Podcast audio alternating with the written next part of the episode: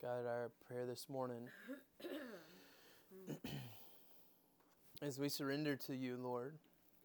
God, that might mean a lot, that might mean a little. Lord, whatever it is, we surrender to you. We live life open handed in these moments. God, we gather under that banner of surrender, all of us surrendering right now, God.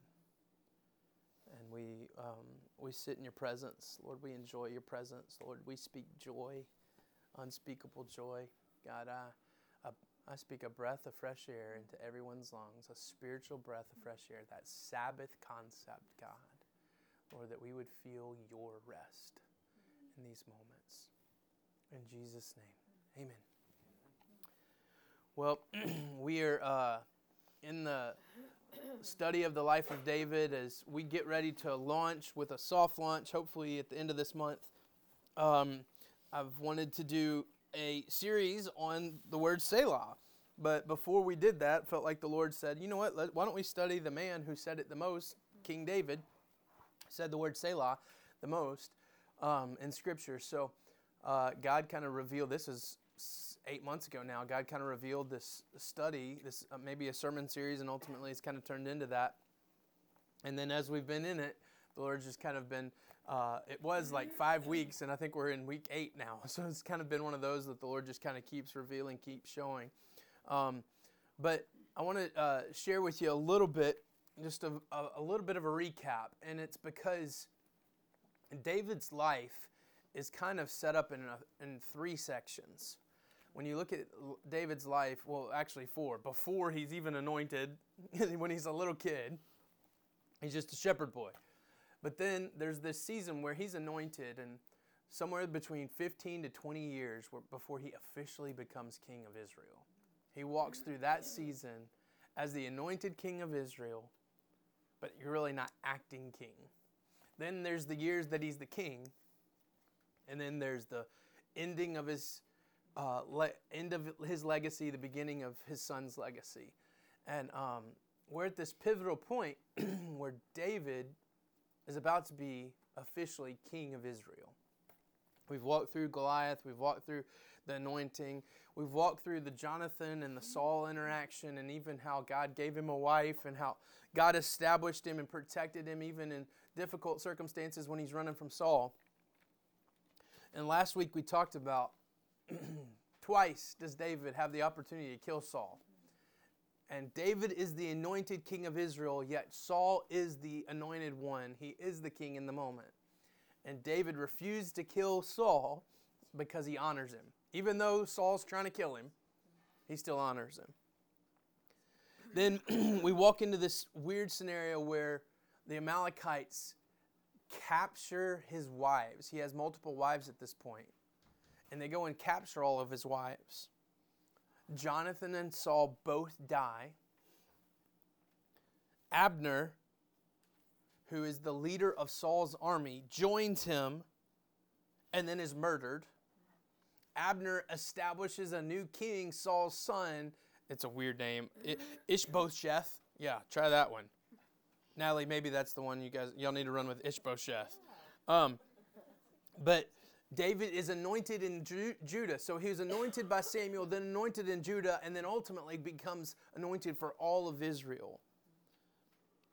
And the house of Saul and David, even though Saul's dead, they're still at war with one another for two years. The Bible calls it a long war, which is a big thing. Then David becomes anointed for the third time he looks at Jerusalem, goes and fights, takes over Jerusalem, and begins to build his home. And that's like five chapters. like, like all this happens in a two-year time frame. From David hiding in a cave, refusing to kill God's anointed one, into stepping into these crazy circumstances that God just kind of lays out. But uh, I need you to see this, and we'll see it today. Every step of the way, David submits and surrenders to the Lord. When life is at its craziest, David is petitioning God, What should I do? Um, David's in caves and he's asking the Lord, what, what do I do next? David's about to, he wants to go up to Judah. I'm going to talk about it in a minute. He wants to go up to Judah before he takes a step. He says, Lord, should I go up to Judah? He wants to capture, go back and get his wives back. But before he even takes a step, man, I would think that's a natural reaction, right?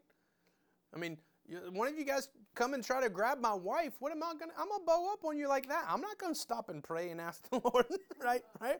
I got, I got some righteous anger. It's funny God's reaction. Of course, go get them. If you pursue them right now, you're going to get them back.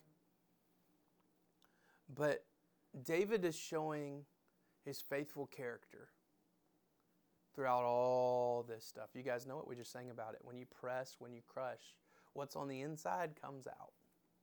And David is walking with tons of integrity. And we're going to see when not many are. if you want to turn your Bibles, I'll be there in a minute. But uh, 2 Samuel 6 is where we're going to be. But before that, if you want to take notes, today I'm going to really kind of give you some stuff if you want to write down that would be good to go back and look at and read if you want to. Um, but first point when we give God permission to take over, He gives back great authority. When we, when we surrender our lives, when we say, God, it's time for you to take over, that's when He promotes. When we, when we say, God, I don't want to be in charge, that's when God says, okay, well, now you're in charge. and He doesn't mean in my flesh that I'm the one that's running the show. He knows that when I surrender to Him, He's really the ultimate one in charge, but He puts me in a position of authority. God always puts you in a position of authority when you surrender. I think David and I talked about this a couple months ago. The Christian life, the walking day in and day out, man, don't think of it as I've got to deal with my sin because that's not what the Christianity is about. Jesus dealt with the sin one time forever. You don't have to deal with it anymore. The Bible just talks about all you have to do is confess.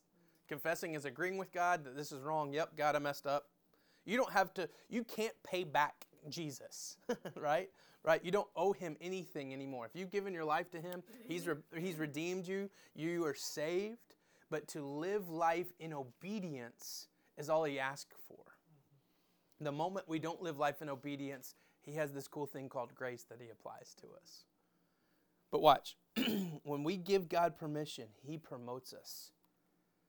When we give God surrender our lives, he gives us more authority. It's very backwards from how we think. Watch. God anoints through Samuel. Very beginning, David, we roughly think maybe is 10 years old. Remember? Samuel has this thought I'm supposed to go to one of the sons of Jesse. He goes through all the seven sons, starts with the biggest, and ends up with the smallest. And all of a sudden, Jesse goes, Oh, yeah, I do have another son. He's out in the field. And as soon as he walks up, Jesse anoints him, and it's the weirdest thing ever. It's not like what we would think of. He's um, what do they do it when they when they make him a king? What do they call it? Coronation. Yeah, thank you. It's not like the coronation where the big prompt circumstance. Samuel pours anointing oil over him and walks away, and then we know roughly 15 to 20 years before David's officially king of Israel. So God anoints him, but then Judah's anointing the men of Judah, David, we're going to look at it in just a minute. David goes up to Judah. We talked about it a few weeks ago. He's hiding in the caves. Judah is this safe land. They have a different king than Saul. They're not honoring Saul's kingship, okay? And so Judah is this, the tribe of Judah. It's the one of the tribes that has its own territory that's, they're, they're governing themselves. David asks the Lord, should we go up to Judah? God says, go up to Judah. As soon as he gets there, what do the men do? They anoint him as their king. And then the Bible says, after Saul dies and after Ishbosheth is murdered, all the tribes of Israel in unity anoint him as king. If Samuel had walked up, the 10 year old or whatever, however old he was, back when Saul was still king, there would have been unity if that first domino of the tribes of Judah had to fall.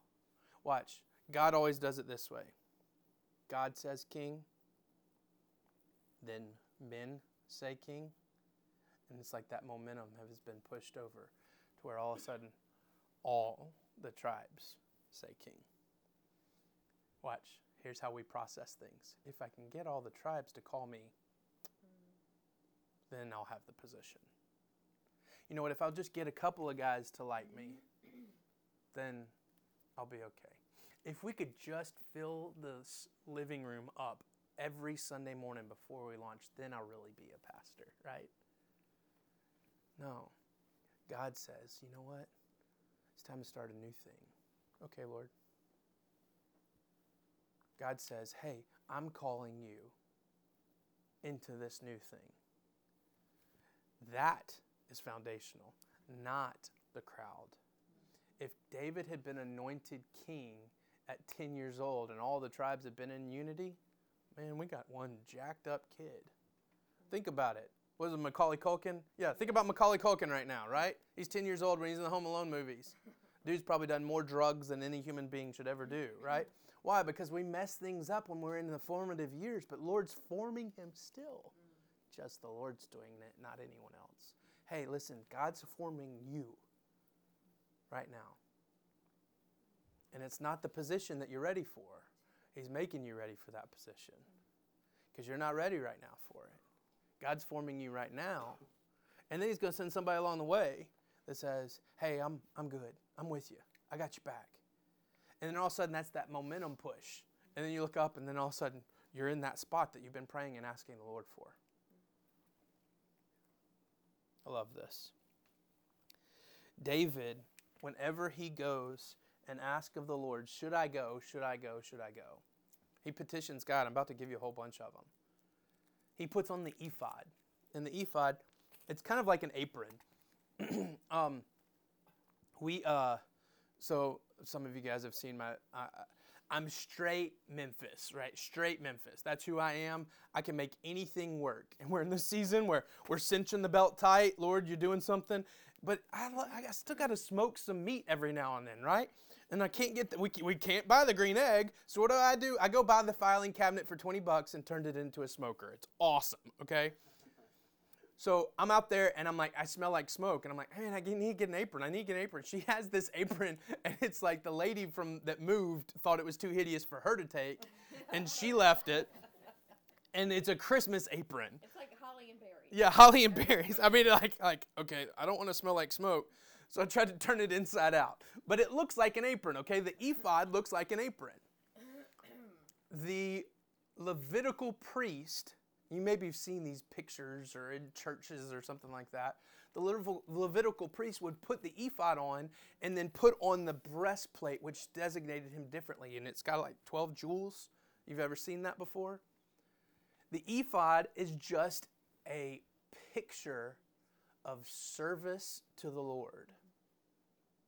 Okay? Those that were in the temple serving had to be wearing the ephod. So each time David goes to ask the Lord, should I go rescue my wives? Should I go up to Judah? Should, should I pursue or not pursue? Should I fight or not fight? He always asks, go get the ephod. Watch this. I call it a holy insecurity of David we all should have a holy insecurity. I'm going to mess something up, y'all. I'm going to screw things up.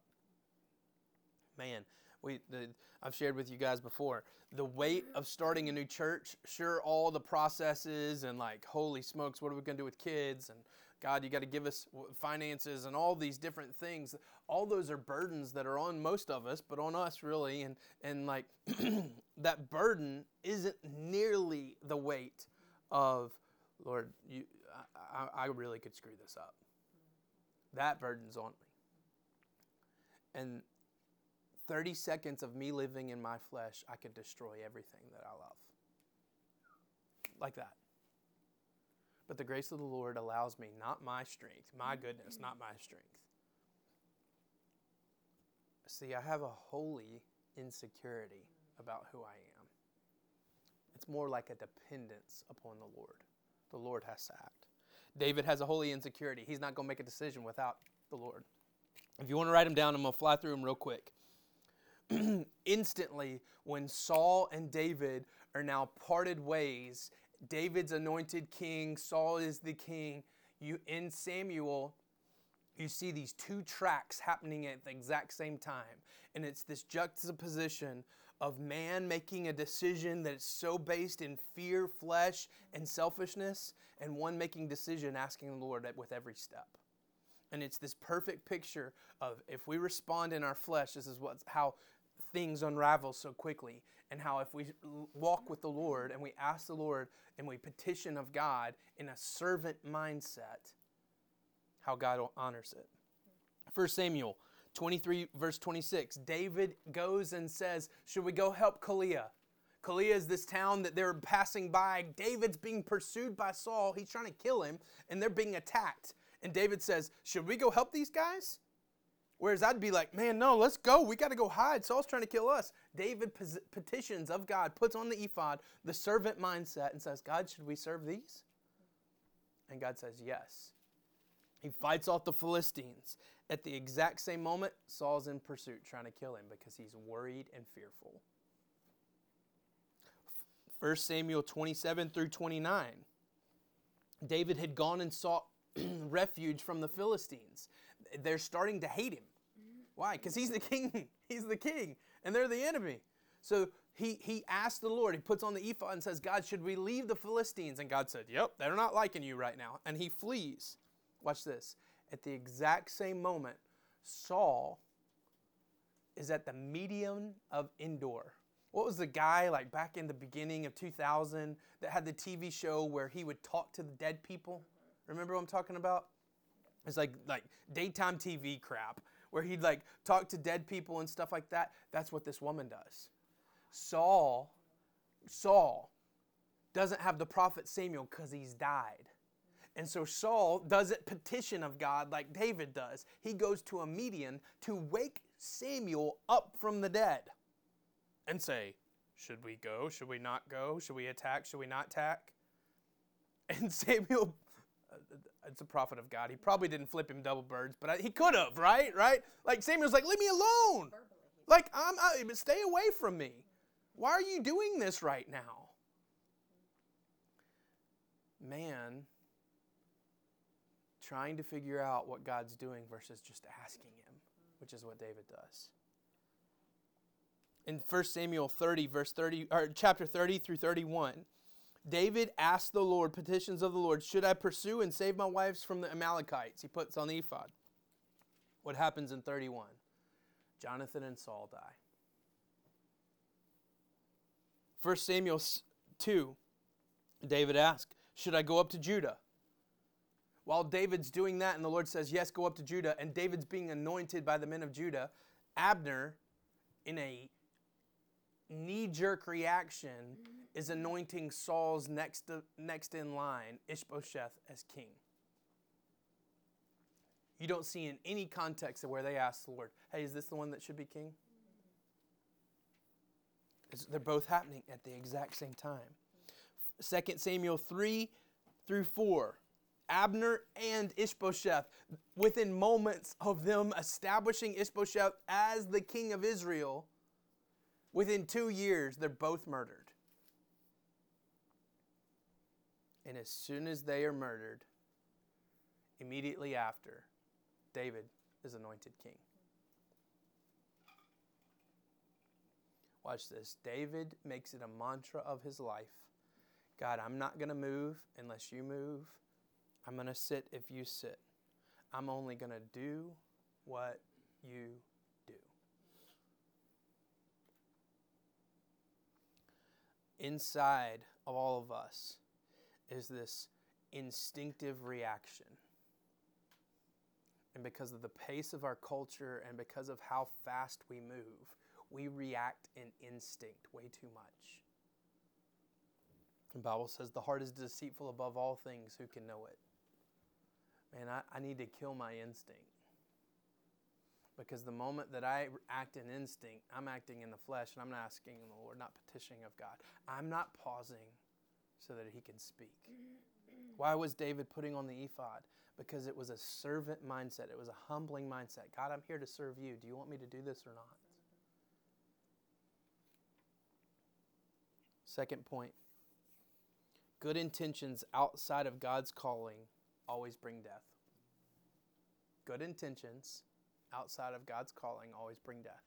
Uh, who, all right, who is American Idol fans back in the day? Come on, it's okay, it's okay. I'm talking like Paula Abdul days. Before, after Paula Abdul, it sucked. Okay. back when it was cool to watch American Idol, they they started this thing called Idol Gives Back. Anybody remember that?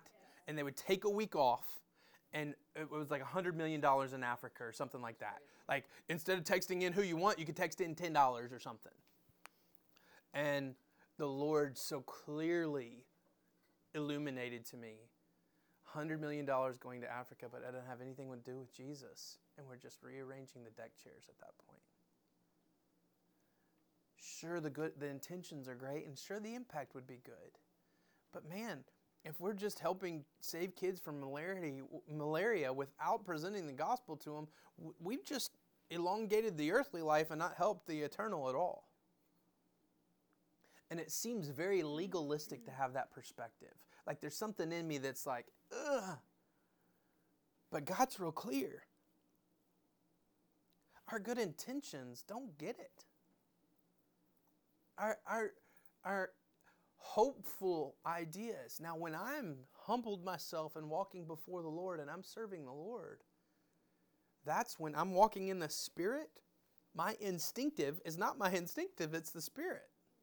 And the Spirit is the one prompting, saying, Love, give, do. Help these kids that are dying from malaria concept. Not saying that we shouldn't do that. I'm saying if it doesn't have Jesus in it, what are we doing? Watch this. Good intentions outside of God's calling always bring death. The Philistines had captured the Ark of the Covenant right before 2 Samuel 6. The Philistines had just captured the Ark of the Covenant. And it's so funny. They get the Ark of the Covenant and they start having tumors. Like literally, everybody's popping up with tumors. And they realize it's because we got the real God's presence covenant thing going. We need to get it out. You know what they do? Uh, they might have been from Memphis. I don't know. They strapped the Ark of the Covenant to two cows and basically slapped them on the butt and said, Get out of here. And the Bible says the cows walked straight. When do cows ever walk straight? Cows walk straight back to the Israelites. The ark comes back, and instinctively, the nation of Israel says, All right, let's store this in Abinadab's home. So they store the Ark of the Covenant in Abinadab's home. And that's where we pick up in 1 Samuel chapter 6. 2 Samuel, thank you. 2 Samuel chapter 6.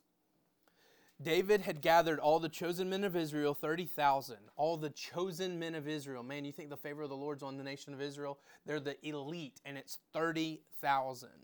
And David arose and went with all the people who were with him from Baal of Judah to bring up the ark of God, which is called by name of the Lord of hosts, who sits on the throne of cherubim and they carried the ark of God on a new cart and brought it to the house out of the house of Abinadab, which was on the hill. And Uzzah and Ahio, the sons of Abinadab, were driving the new cart.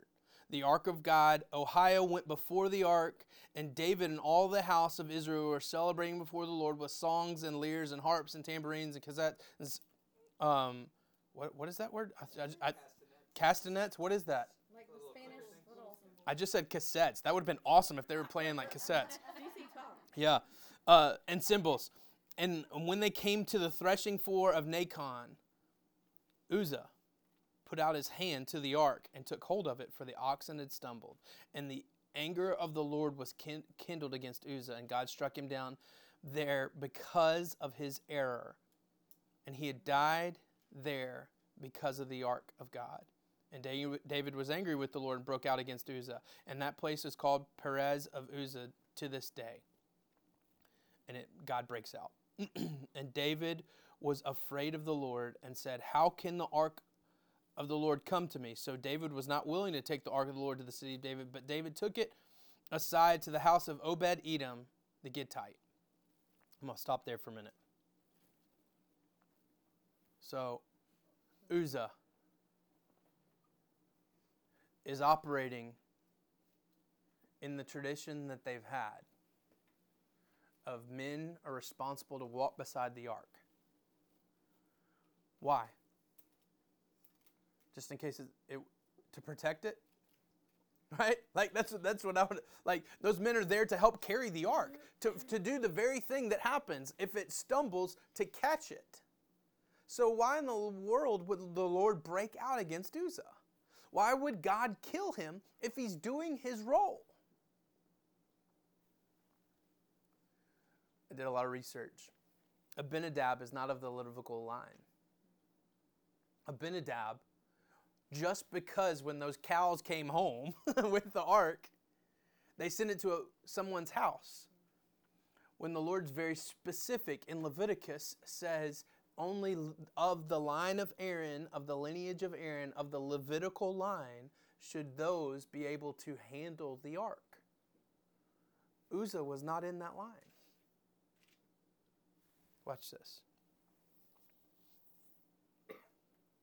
I desire to help God, but in those moments, I've shifted what my calling is on my life. When I desire to help, man, of course, we all would say we want to help God. Does God need help? No, God doesn't need help. He needs our heart. And our heart is our calling. I love this. It's such a great perspective. I don't know how many times I tell my eight and a half year old, six and a half year old, and three year old, get in the car. Get in the car, get in the car, get in the car, get in the car, get in the car, get in the car. And maybe once a day, it's usually some excuse like this Well, Dad, I'm cleaning up, right? What's my response? I didn't tell you clean up, I told you get in the car. God doesn't want us to clean up when He's told us to get in the car. And Uzzah is trying to help. He's got great intentions. I know that mom and dad like it when I clean up the, my stuff. But in that moment, that, that whole group, because they had sent the ark to the non Levitical line, he, he's not supposed to handle the ark. He's supposed to be doing something different. Who knows what it is? I think the reason why God broke out against him is because he's not in his role. Our praise, when used to drown out God's calling, is nothing but poison that we drink in. I wrote a blog this past week called Kill Obligation. Many times I find myself singing songs like this while God's trying to talk, and I feel like I'm trying to sing louder. When sometimes I just need to shut up and let the Father say, Get in the car. Here's the problem Uzzah was in someone else's role. That's his fault, but also whose role? Who didn't step up and say, I'm going to walk next to the cart? No, no, man, you're not supposed to do that. I'm supposed to do that. Sidelines versus being in the game concept. The death of Uzzah is on the hands of the men that were supposed to be in that role good intentions outside of God's calling always brings death. Watch this. Verse, uh, point three. When we use our authority to worship, God's presence sits close even when others won't. God always, throughout all of Scripture, calls himself a God who is near. I know for a fact shoot, I know our story, but I know a lot of y'all's stories as well. You need a God that is near. He refers to himself as a God who is near. Why is that? Watch.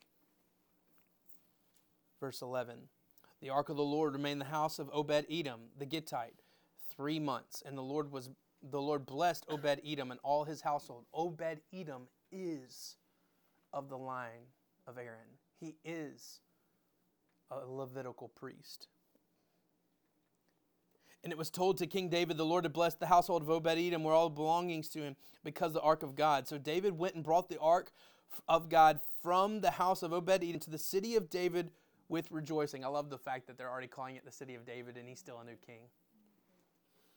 And when those who bore the ark of the Lord had gone six steps, he sacrificed an ox and a fattened animal. And David danced before the Lord with all his might, and David was wearing a linen ephod. So David and all the house of Israel brought the ark of the Lord with shouting and with the sound of a horn. As the ark came into the city of David, Michal, the daughter of Saul, looked out the window and saw King David leaping and dancing before the Lord, and she despised him in her heart. They brought the ark of the Lord and set it in its place inside the tent that David had pitched for it. And David burnt offerings and peace offerings before the Lord. And when David had finished offerings, the burnt offerings and the peace offerings, he blessed the people in all the name of the Lord of the host and distributed among all the people, the whole multitude of Israel, both men and women, and a cake bread and a portion of meat and a cake of raisins to each one of them. Then they all all the people departed each to his house. So the party's over. David returned to bless his household, but Michal the daughter of Saul, came out to meet David and said, How the king of Israel honored himself today, uncovering himself before the eyes of his servants, female servants, as one of the vulgar fellows shamelessly uncovers himself. She's saying, You're being incredibly inappropriate. And David said to Michal, It was before the Lord who chose me above your father and all of your all of his house and appointed me a prince of, over Israel and the people of the Lord and I will celebrate before the Lord. I will make myself yet more contemplative than this. And I will be abased in your eyes but the female servants whom you have spoken by them I shall be held in high honor. And Michal said Michal the daughter of Saul had no child to the day of her death So, have y'all ever heard David dance naked before the Lord?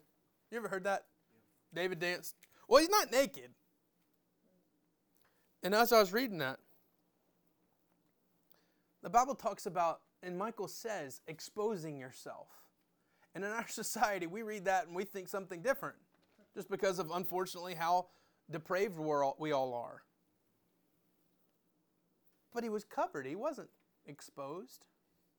He's wearing the linen ephod. The linen ephod would have been wrapped all the way around.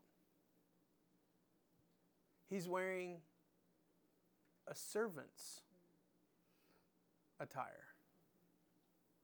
So, what is Michal so upset about? He's dressed as a servant, not as a king.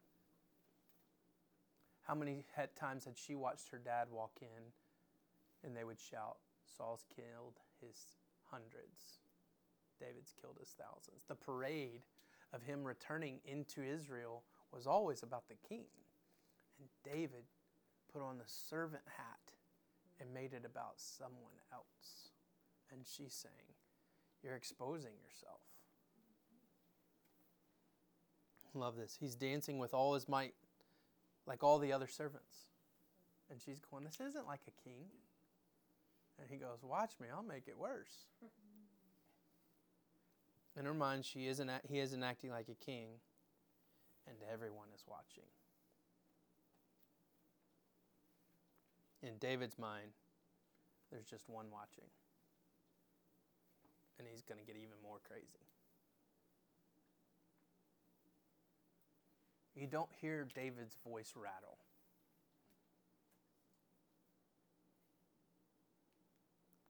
How scared was David? They've just had someone die very publicly at a point of celebration while they're crossing a threshing floor with the ark. Um, not to be scary or anything like that, but like a Super Bowl and a death happens, you know, it kind of changes everything. So they go and wait three months, and the Lord starts to bless the household that it's sitting in. So David's like, okay, it's time to do it. Let's do it up big. But this time, you know what? We're going to do things a little different. Every six steps, we're going to make sure that we're in tune with the Father. Why? Because the rest of his life before that, every six steps, he's been asking the Lord, should I go, should I not? And as they progress, at the beginning, the Bible says David wasn't walking in front of them. And then at the end, when they're coming in, David's dancing with all his might. As they progress, just like the Lord, I'm with you, I'm with you, I'm with you, I'm with you. And David gets more confident. And David gets more confident and makes it more about him and starts close, but by the end of it is dancing with all his might. To the point where Michal says, You're not acting like you should be acting. He goes, I ain't acting for you. This is for the Lord. What's the tattoo or the famous Pinterest thing? Dance like nobody's watching. David has enough of relationship with the near King of Kings, the near Lord of Lords. David has enough relationship that he looks up and says, I don't care who's watching. I'm a servant, the ephod. That's what he put on. I'm a servant to one. The Bible says in a chapter later, greater and greater did David grow. See, when we submit and we serve in a, a mindset that everyone's watching me serve,